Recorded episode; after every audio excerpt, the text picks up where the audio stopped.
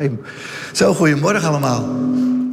Zo, goedemorgen. Hey, dankjewel aanbiddingsteam voor de mooie liederen. Ja, mooi. Oh, er staat er al een. Sorry hoor. Ja, goed. Goed om weer bij jullie te mogen zijn. Zo. Het is alweer, denk ik, 28 jaar geleden ongeveer. Dat ik hier een uh, cursus mocht geven, discipelen van Jezus. Wie was het toen? Benjamin was er, ja. Ja. It's a long time ago, hè? Ja. Toen gaf ik nog leiding, leiding aan de stichting uh, Kerigma. Um, dat heb ik een paar jaar geleden overgedragen. Maar vorig jaar mocht ik toch nog productief zijn... door uh, alle cursusmaterialen te herschrijven, te vernieuwen... ook in een nieuwe uitvoering uitgegeven... En ik heb gevraagd of dat ik er een paar op een tafel in de koffiezaal mocht neerleggen. Dus daar liggen er een paar van de vernieuwde, mag je inzien. Maar ik heb ook uh, vorig jaar een paar nieuwe materialen eraan mogen toevoegen. En het ene gaat over bidden, bidden om het koninkrijk. Zoals Jezus ons leerde, onze Vader, uw naam worden geheiligd. Laat uw koninkrijk komen, laat uw wil geschieden. Dat is een mooie studie geworden voor je persoonlijk of als groep of als uh, gebedsteam. Om te bidden in de tijd waarin we leven. En de tweede studie die ik eraan heb mogen toevoegen is de openbaring. We leven echt in een uh, boeiende tijd, toch? Urgente tijd. De ene crisis na de andere. De aarde wordt steeds warmer en de harten worden steeds kouder. In die tijd leven wij nu. En het is zo goed om een visie te hebben van Jezus. Want de openbaring gaat niet over allerlei spectaculaire uh, theorieën. Maar het gaat over een persoon, de Heer Jezus, op de troon van God. Nou, deze kostte 10 euro. Deze kun je wel, uh, heb ik een aantal van meegenomen. Dus die zijn wel aan te schaffen. Als je 10 euro. Als je geen geld bij je hebt, dan uh, ligt ook een blaadje bij. Dan kun je even opschrijven, invullen je e-mailadres dan eh, stuur ik wel een mailtje en dan kun je het overmaken. En vorig jaar ben ik ook geopereerd aan mijn stem, twee keer. Stemband, dus mijn stem is wat krakkemikkig vanmorgen, merk ik. Dus hopelijk ben ik verstaanbaar. Waar ik over wil spreken, ja, dat is uh, vanmorgen groeien in genade. Staat hij aan? Ja, dankjewel. Groeien in genade. Zo. Over een kleine twee weken is het alweer uh, Goede Vrijdag.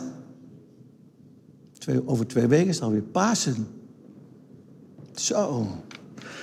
Feesten van genade. Hoe bijzonder is dat? Jezus, de volmaakte Zoon van God, kwam naar deze, deze puinhoop eigenlijk, als je naar de wereld kijkt. Naar deze zondige wereld.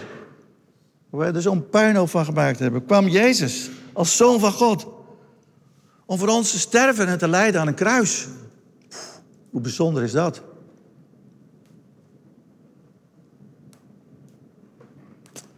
We lezen daar een stukje over. In Efeze, daar wil ik mee beginnen. Even een stukje en teruggaan naar de goedheid van God. ik begin bij vers 4. Vers 4 begint, ik heb het gelijk maar bold gemaakt, wat zwart gemaakt. Er staat, maar God. Ik vind het heel indrukwekkend. Vooral als je leest de versen daarvoor. Dat gaat erover, dan schrijft Paulus, hoe dat wij geboren zijn. In een verbroken relatie met God. Geestelijk dood. Leven naar het vlees. Naar de begeerte van ons vlees. Naar het denken van ons vlees. Niet doen wat God vraagt. En daardoor het straf verdienen, de toren van God verdienen. Het oordeel van God. En dan schrijft hij in vers 4. Maar God. Die rijk is in barmhartigheid. Heeft ons door zijn grote liefde, waarbij hij ons heeft liefgehad. Ook toen wij dood waren door de overtredingen heeft hij ons met Christus levend gemaakt. Of uit of door genade. Ben je zalig geworden? Dat betekent, ben je gered? Ben je verlost? En hij heeft ons met hem opgewekt. En met hem in de hemelse gewesten gezet. In Christus Jezus. Hebben we ook een nieuwe positie gekregen in hem. Opdat in de komende eeuwen de alles overtreffende rijkdom van zijn genade zou bewijzen door de goede tierenheid over ons in Christus Jezus. Twee woorden, deze teksten zijn belangrijk. Het eerste is de barmhartigheid van God. Van God. Dat betekent de ontferming van God. De Zoon van God werd mens. Hij nam de gestalte van een dienstknecht aan. En hij heeft onder ons gewoond. En om zijn leven te geven als een offer voor onze zonden. En hoe bijzonder is dat? Echt goddelijke liefde, onvoorwaardelijke liefde van God. In het Engels gebruiken ze daarvoor het woordje mercy, de, de geweldige barmhartigheid van God. En het tweede woord is, er staat in vers 5, dat is de genade van God. Door die genade zijn wij gered en zijn wij verlost. God was barmhartig. Hij kwam naar ons toe. En hij heeft ons door zijn genade, heeft hij ons opgewekt en heeft hij ons verlost. En heeft ons een nieuw leven gegeven en ons een nieuwe positie gegeven. Barmhartigheid is de ontferming. Het is de mercy van God. Het is de onverdiende gunst van God. Maar de genade is meer de instaatstellende kracht van God. Genade werkt iets uit. Is een invloed. Om te zijn zoals God wil dat we zullen zijn. En om te doen wat God wil dat we zullen doen. De barmhartigheid is de onverdiende gunst. Maar de genade is een kracht die ons leven geeft. Die ons redt, die ons verandert, die ons vernieuwt. En het is ook iets waar we in mogen groeien. Want het laatste vers zegt... Opdat hij in de komende eeuwen de alles overtreffende rijkdom van zijn genade laat zien. En daar wil ik vanmorgen over spreken. Hoe kunnen wij groeien in de genade van God? Hoe kunnen wij groeien in de alles overtreffende genade van God? Wie verlangt dat niet? Wie verlangt dat niet? In die genade, kracht, de invloed van kracht van Gods genade, die wij ontvangen, dat werkt God uit door de geest van genade. Daarom wordt de Heilige Geest ook wel genoemd, de geest van genade, die Gods genadekracht in ons uitwerkt. En daar mogen we in groeien. En dat wil ik bespreken vanuit de tweede Petrusbrief. En begin ik bij het laatste vers in de Petrusbrief.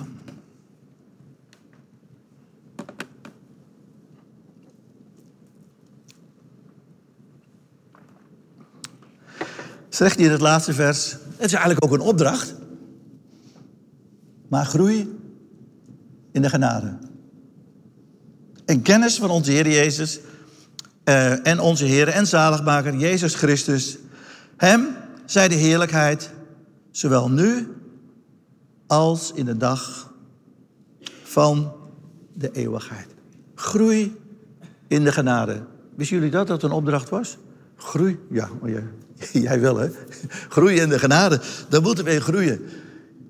In die onverdiende gunst kunnen we dit groeien, maar de genade als invloed meer van Gods invloed in ons, daar kunnen we in groeien. Het is ook een opdracht voor ons nu. Waarom dat nodig is, zal ik straks zeggen, maar even naar de context van, deze, van dit vers. De context. In welke context of doet Petrus deze oproep om te groeien in genade? Door En dan ga ik even terug naar hoofdstuk 1. dat heb ik niet op de biemen staan, maar in hoofdstuk 1 schrijft hij... waaraan wij deel gekregen hebben. Immers zijn goddelijke kracht heeft ons, in alle, heeft ons alles geschonken... wat tot leven en godsvrucht behoort. Door de kennis van hem die ons geroepen heeft... door zijn heerlijkheid en deugd. En daarom zijn we met kostbare beloftes begiftigd... en hebben we deel gekregen aan de goddelijke natuur. In Christus hebben we deel gekregen daaraan. Dan schrijft hij daar ook verder in hoofdstuk 1 over het woord van God. Over het, over het profetische woord dat vast en zeker is. En u doet er goed aan daarop acht te slaan als op een lamp die schijnt in een duistere plaats. Totdat de dag aanbreekt en de morgenster opgaat in uw hart. Dit moet u allereerst weten, dat geen enkele profetie van de schrift een eigenmachtige uitleg toelaat. Je mag niet zomaar de schrift op je, op je eigen manier, naar je eigen denken, zegt hij, uitleggen. Maar dat gebeurde wel. En daar waarschuwt in hoofdstuk 2, vers 1. Maar er zijn ook valse profeten onder het volk geweest, zoals er ook onder u valse leraars zullen zijn, die heimelijk verderfelijke afwijkingen in de leer zullen invoeren. Spreekt u niet over grote afwijkingen, maar bepaalde afwijkingen in de leer zullen invoeren en dat je daardoor beïnvloed zult worden. Nou, in die tijd leven we ook. Ja, wat er in de Bijbel staat was, geldde toen wel voor die cultuur, maar voor deze cultuur, voor onze cultuur, geldt dat niet meer. Zo zien we ook dat we in onze tijd leven, in de tijd dat aan het woord van God, waaraan we niet een eigen invulling mogen geven, er toch bepaalde afwijkingen verkondigd worden. Als het gaat over genade bijvoorbeeld. Ja, ik ben gered door genade en ik ben nu vrij om te doen. Nou, daar had Petrus in die tijd ook last van. Dat is de goedkope genade. Er is geen veroordeling meer, dus we zijn vrij. Nee, zegt Paulus volstrekt niet. En Petrus ook. Of je slaat door naar de wettische kant. Dat is ook een bepaalde afwijking van de leer van het evangelie. Of als het gaat over huwelijk en over gezin en over seksualiteit. Dan zijn er ook bepaalde afwijkingen. En als je dan het hoofdstuk doorleest, dan lees je daarvan de gevolgen. En in die wereld leven wij ook. En dan staat er in hoofdstuk 3 dat, we ook, dat er ook spotters zullen zijn met de wederkomst. Mensen die zeggen, uh, waar blijft de belofte van zijn komst? En ze spotten daarmee. En zo leven we ook in een tijd, toch? Dat we allerlei dingen zien en meemaken. Als het gaat over het woord van God.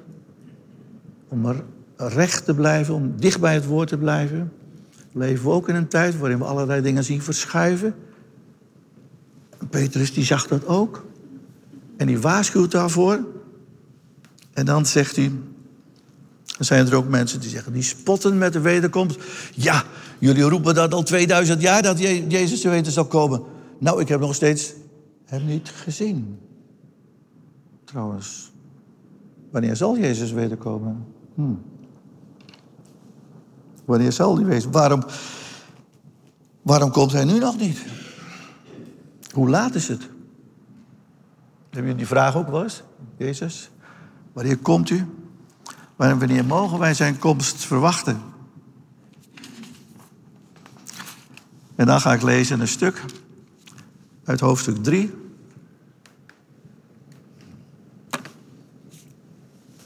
Over de verwachting van de Heer Jezus.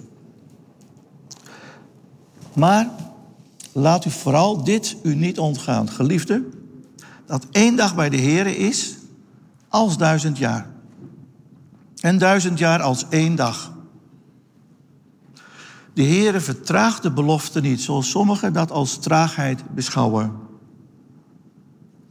Maar hij heeft geduld met ons. En wil niet dat enige verloren gaan. Maar dat alle tot, tot bekering komen. Maar de dag van de Heer zal zo komen als een dief in de nacht. Dan zullen de hemelen met gedruis voorbij gaan. En de elementen brandend vergaan. En de aarde en de werken daarop zullen verbranden. Als deze dingen dus allemaal vergaan, hoedanig behoort u dan te zijn in heilige levenswandel en in godsvrucht? U die de komst van de dag van God verwacht en daarnaar verlangt, de dag waarop de hemelen door vuur aangestoken zullen vergaan en de elementen brandend zullen wegsmelten. Maar wij verwachten overeenkomstig zijn belofte nieuwe hemelen en een nieuwe aarde waar gerechtigheid woont. Daarom, geliefde, terwijl u deze dingen verwacht, beijver u om u onbevlekt en smetteloos door hem bevonden te worden in vrede en beschouw het geduld van onze Heer als zaligheid. Dan spring ik even door naar vers 17. U dan, geliefden, omdat u dit van tevoren weet, wees dan op uw hoede. Zodat u niet door de dwaling van normloze mensen wordt meegesleept en afvalt van uw eigen vastheid. Maar groei in de genade en kennis van onze Heer en zaligmaker Jezus Christus. Hem zij de heerlijkheid, zowel nu als in de dag van de eeuwigheid. Amen. Amen. In die context staat vers 18. In de wereld waarin we leven en meegenomen kunnen worden. En de vraag komt, wanneer komt Jezus dan? Wanneer komt Hij dan? Wanneer zal Hij komen? Dat is toch een vraag die ons allemaal bezighoudt. Petrus geeft daar een bepaald antwoord op. Allereerst vers 8. Maar laat vooral dit u niet ontgaan, geliefde, dat één dag bij de Heer is als duizend jaar en duizend jaar als één dag. God heeft eigenlijk maar een vreemde tijdklok. Vinden jullie ook niet? God werkt namelijk niet volgens onze tijdmaat. Volgens onze klok en onze kalender. Bij hem is één dag gelijk aan duizend jaar. En duizend jaar is gelijk aan één dag bij God. En daarom kunnen we ook zijn komst niet uitrekenen. Sommigen proberen dat wel, maar Gods komst is niet uit te rekenen. God werkt meer in processen van de vervulling van zijn beloften. God werkt meer in processen dan in een tijdschema. Het gaat hem om de processen. En ik zal twee processen noemen. Het eerste proces staat in Matthäus hoofdstuk 24, vers 14. En daar zegt Jezus, en dit evangelie van het koninkrijk zal in de hele wereld gepredikt worden tot een getuigenis voor alle volken. En dan, dan zal het einde komen. Dit is een proces van verkondiging van het evangelie, wat door de hele wereld zal gaan. Dat proces, daar gaat het om. En als dat proces voltooid is, dan zal het komen, zegt Jezus. Een tweede proces, wat we ook tegenkomen, dan gaat het over de maaltijd waar Jezus mensen voor uitnodigt. En het dienaar zei, Heer, het is gebeurd zoals u bevolen hebt. En nog is er plaats. En dan zegt Jezus, oké, dan zijn er maar een, plaats, een paar plaatsen over. Dan kom ik toch wel. Nee, zegt Jezus. En de Heer zei tegen de dienaar, ga erop uit naar de landwegen en heggen en dwing hem binnen te komen. Opdat mijn huis vol wordt. Dat is het tweede proces. Jezus wil dat zijn huis vol wordt. En dan zal hij wederkomen. Hij wil dat zijn evangelie over de hele wereld verkondigd zal worden. Dat is een proces. Opdat zijn huis vol wordt. Hij wacht tot zijn huis vol wordt. Wanneer zal Jezus wederkomen? Als iedereen het gehoord heeft. En daarom is de zending zo belangrijk. En dat wij verkondigers zijn, ver weg en dichtbij. Dat wij getuigen zijn van Jezus. En dat zijn huis vol wordt. En in die processen hebben wij ook allemaal een verantwoordelijkheid. Daarom is bidden voor het koninkrijk, om het koninkrijk, ook zo belangrijk. Heer, laat uw koninkrijk komen, opdat Jezus kan komen. Dat is de eerste reden dat Jezus nog wacht, totdat zijn processen in vervulling gaan. En de tweede reden vinden in vers 9. De Heere vertraagt de belofte niet, zoals sommigen dat als traagheid beschouwen, maar hij heeft geduld met ons. De NBV vertaalt het met u. En wil niet dat enige verloren gaan, maar dat allen tot bekering, tot inkeer komen. Daarom wacht God ook. Want hij wil niet dat iemand verloren gaat. En deze reden ligt in wie God is. God is trouw aan zijn belofte. Hij is niet traag, maar hij is geduldig. God is langmoedig. Amen. God is langmoedig. God is geduldig met ons, staat er. Zodat iedereen tot inkeer kan komen. En dat niemand verloren gaat. Dat iedereen het evangelie zal horen en gered zal worden. God is geduldig met mensen die Jezus nog niet kennen. Ben je niet blij dat God geduldig is met je familie die niet gelooft, of je kinderen misschien? Dat God nog tijd geeft dat ze tot geloof mogen komen, je vrienden of je bekenden. Dat God geduldig is nog met je naasten, waarvan je houdt, maar die de Heer Jezus nog niet kennen. God is geduldig. God is langmoedig. Hij wil niet dat iemand verloren gaat. Dat iedereen een kans krijgt. Maar Peter schrijft dit ook, dat God geduldig is met ons als gemeente. Daar is hij ook geduldig mee. Met ons als gemeente. Dat wij als christenen zullen veranderen. En meer, en ook meer op Jezus gaan lijken.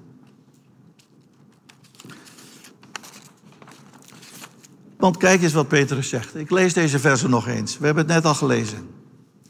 Kijk eens wat Petrus schrijft. Als deze dingen dus allemaal vergaan, waar we over gelezen hebben, deze aarde voorbij zal gaan, door vuur vergaan zal, hoedanig, dan staat er niet behoren zij, maar hij schrijft aan gelovigen, hij schrijft aan de gemeente, behoort u dan te zijn in gemeente, heilige levenswandel en in godsvrucht.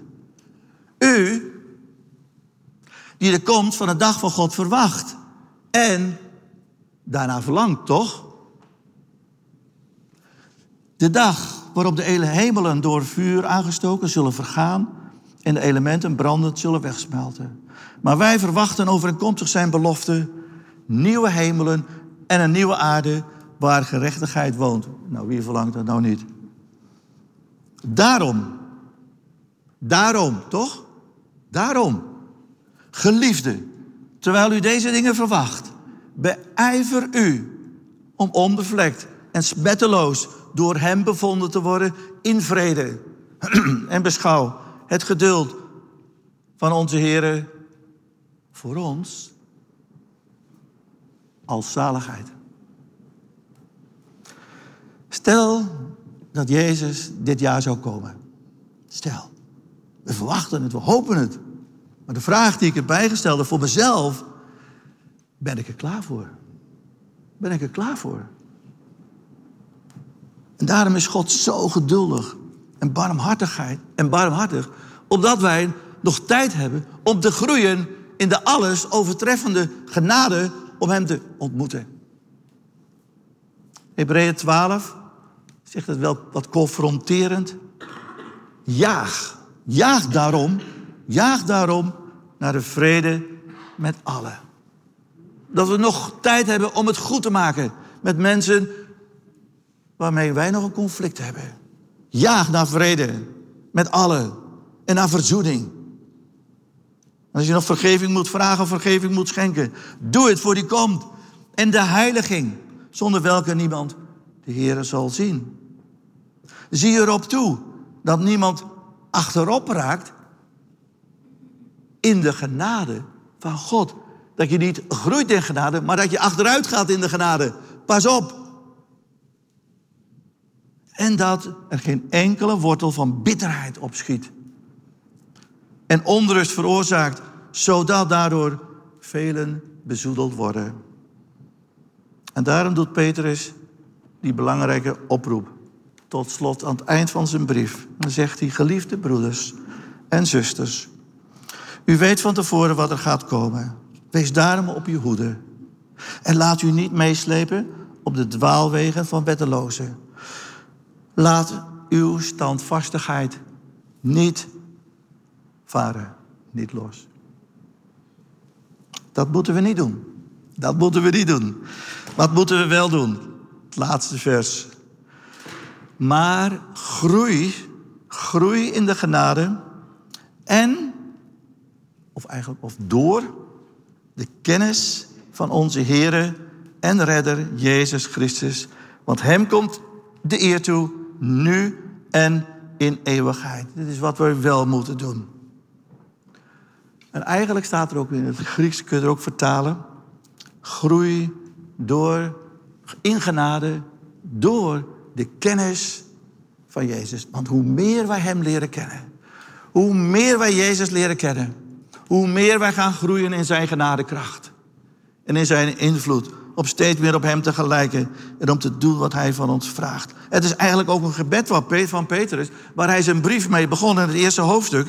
In het eerste hoofdstuk schrijft hij: Mogen de genade en vrede u vermeerderd worden door de kennis van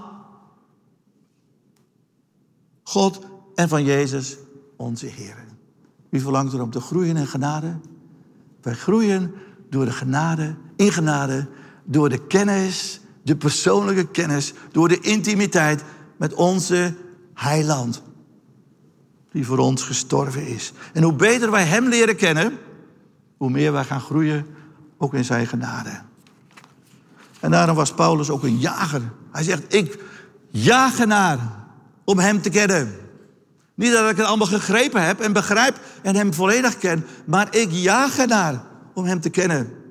Of zoals Daniel zegt, een volk wat zijn God kent, zal sterk zijn en daden doen.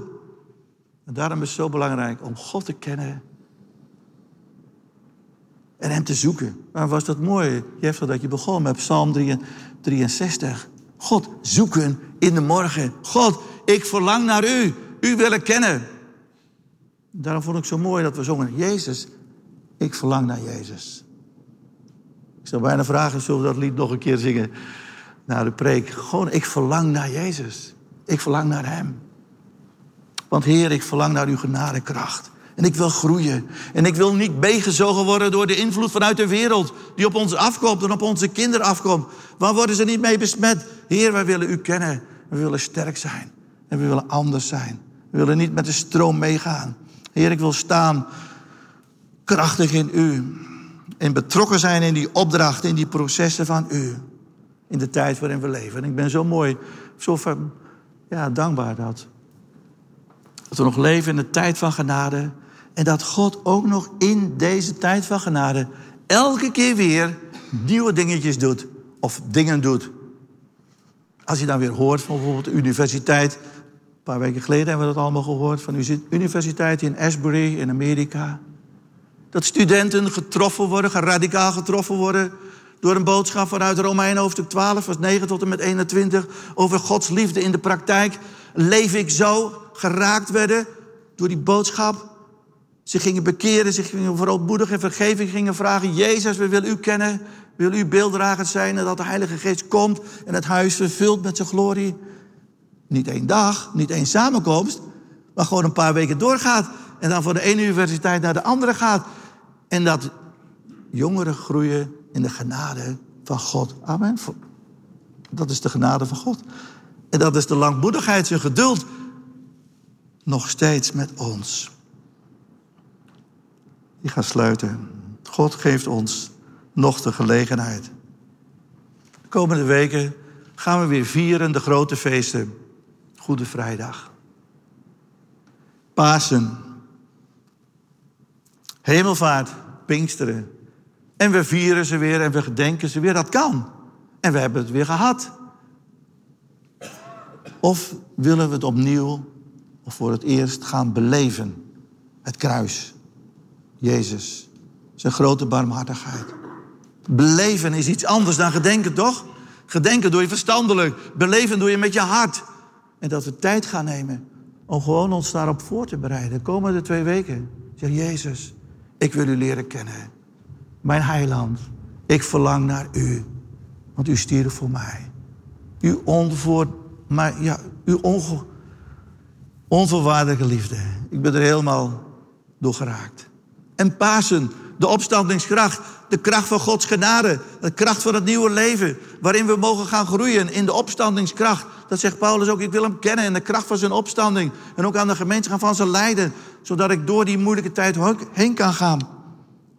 In de hemelvaart. Dat we gaan beseffen, Jezus is naar de hemel gegaan. Maar wij zijn ook, we hebben het gelezen, Efeze hoofdstuk 2 vers 6 met hem gezeten in de hemelse gewesten.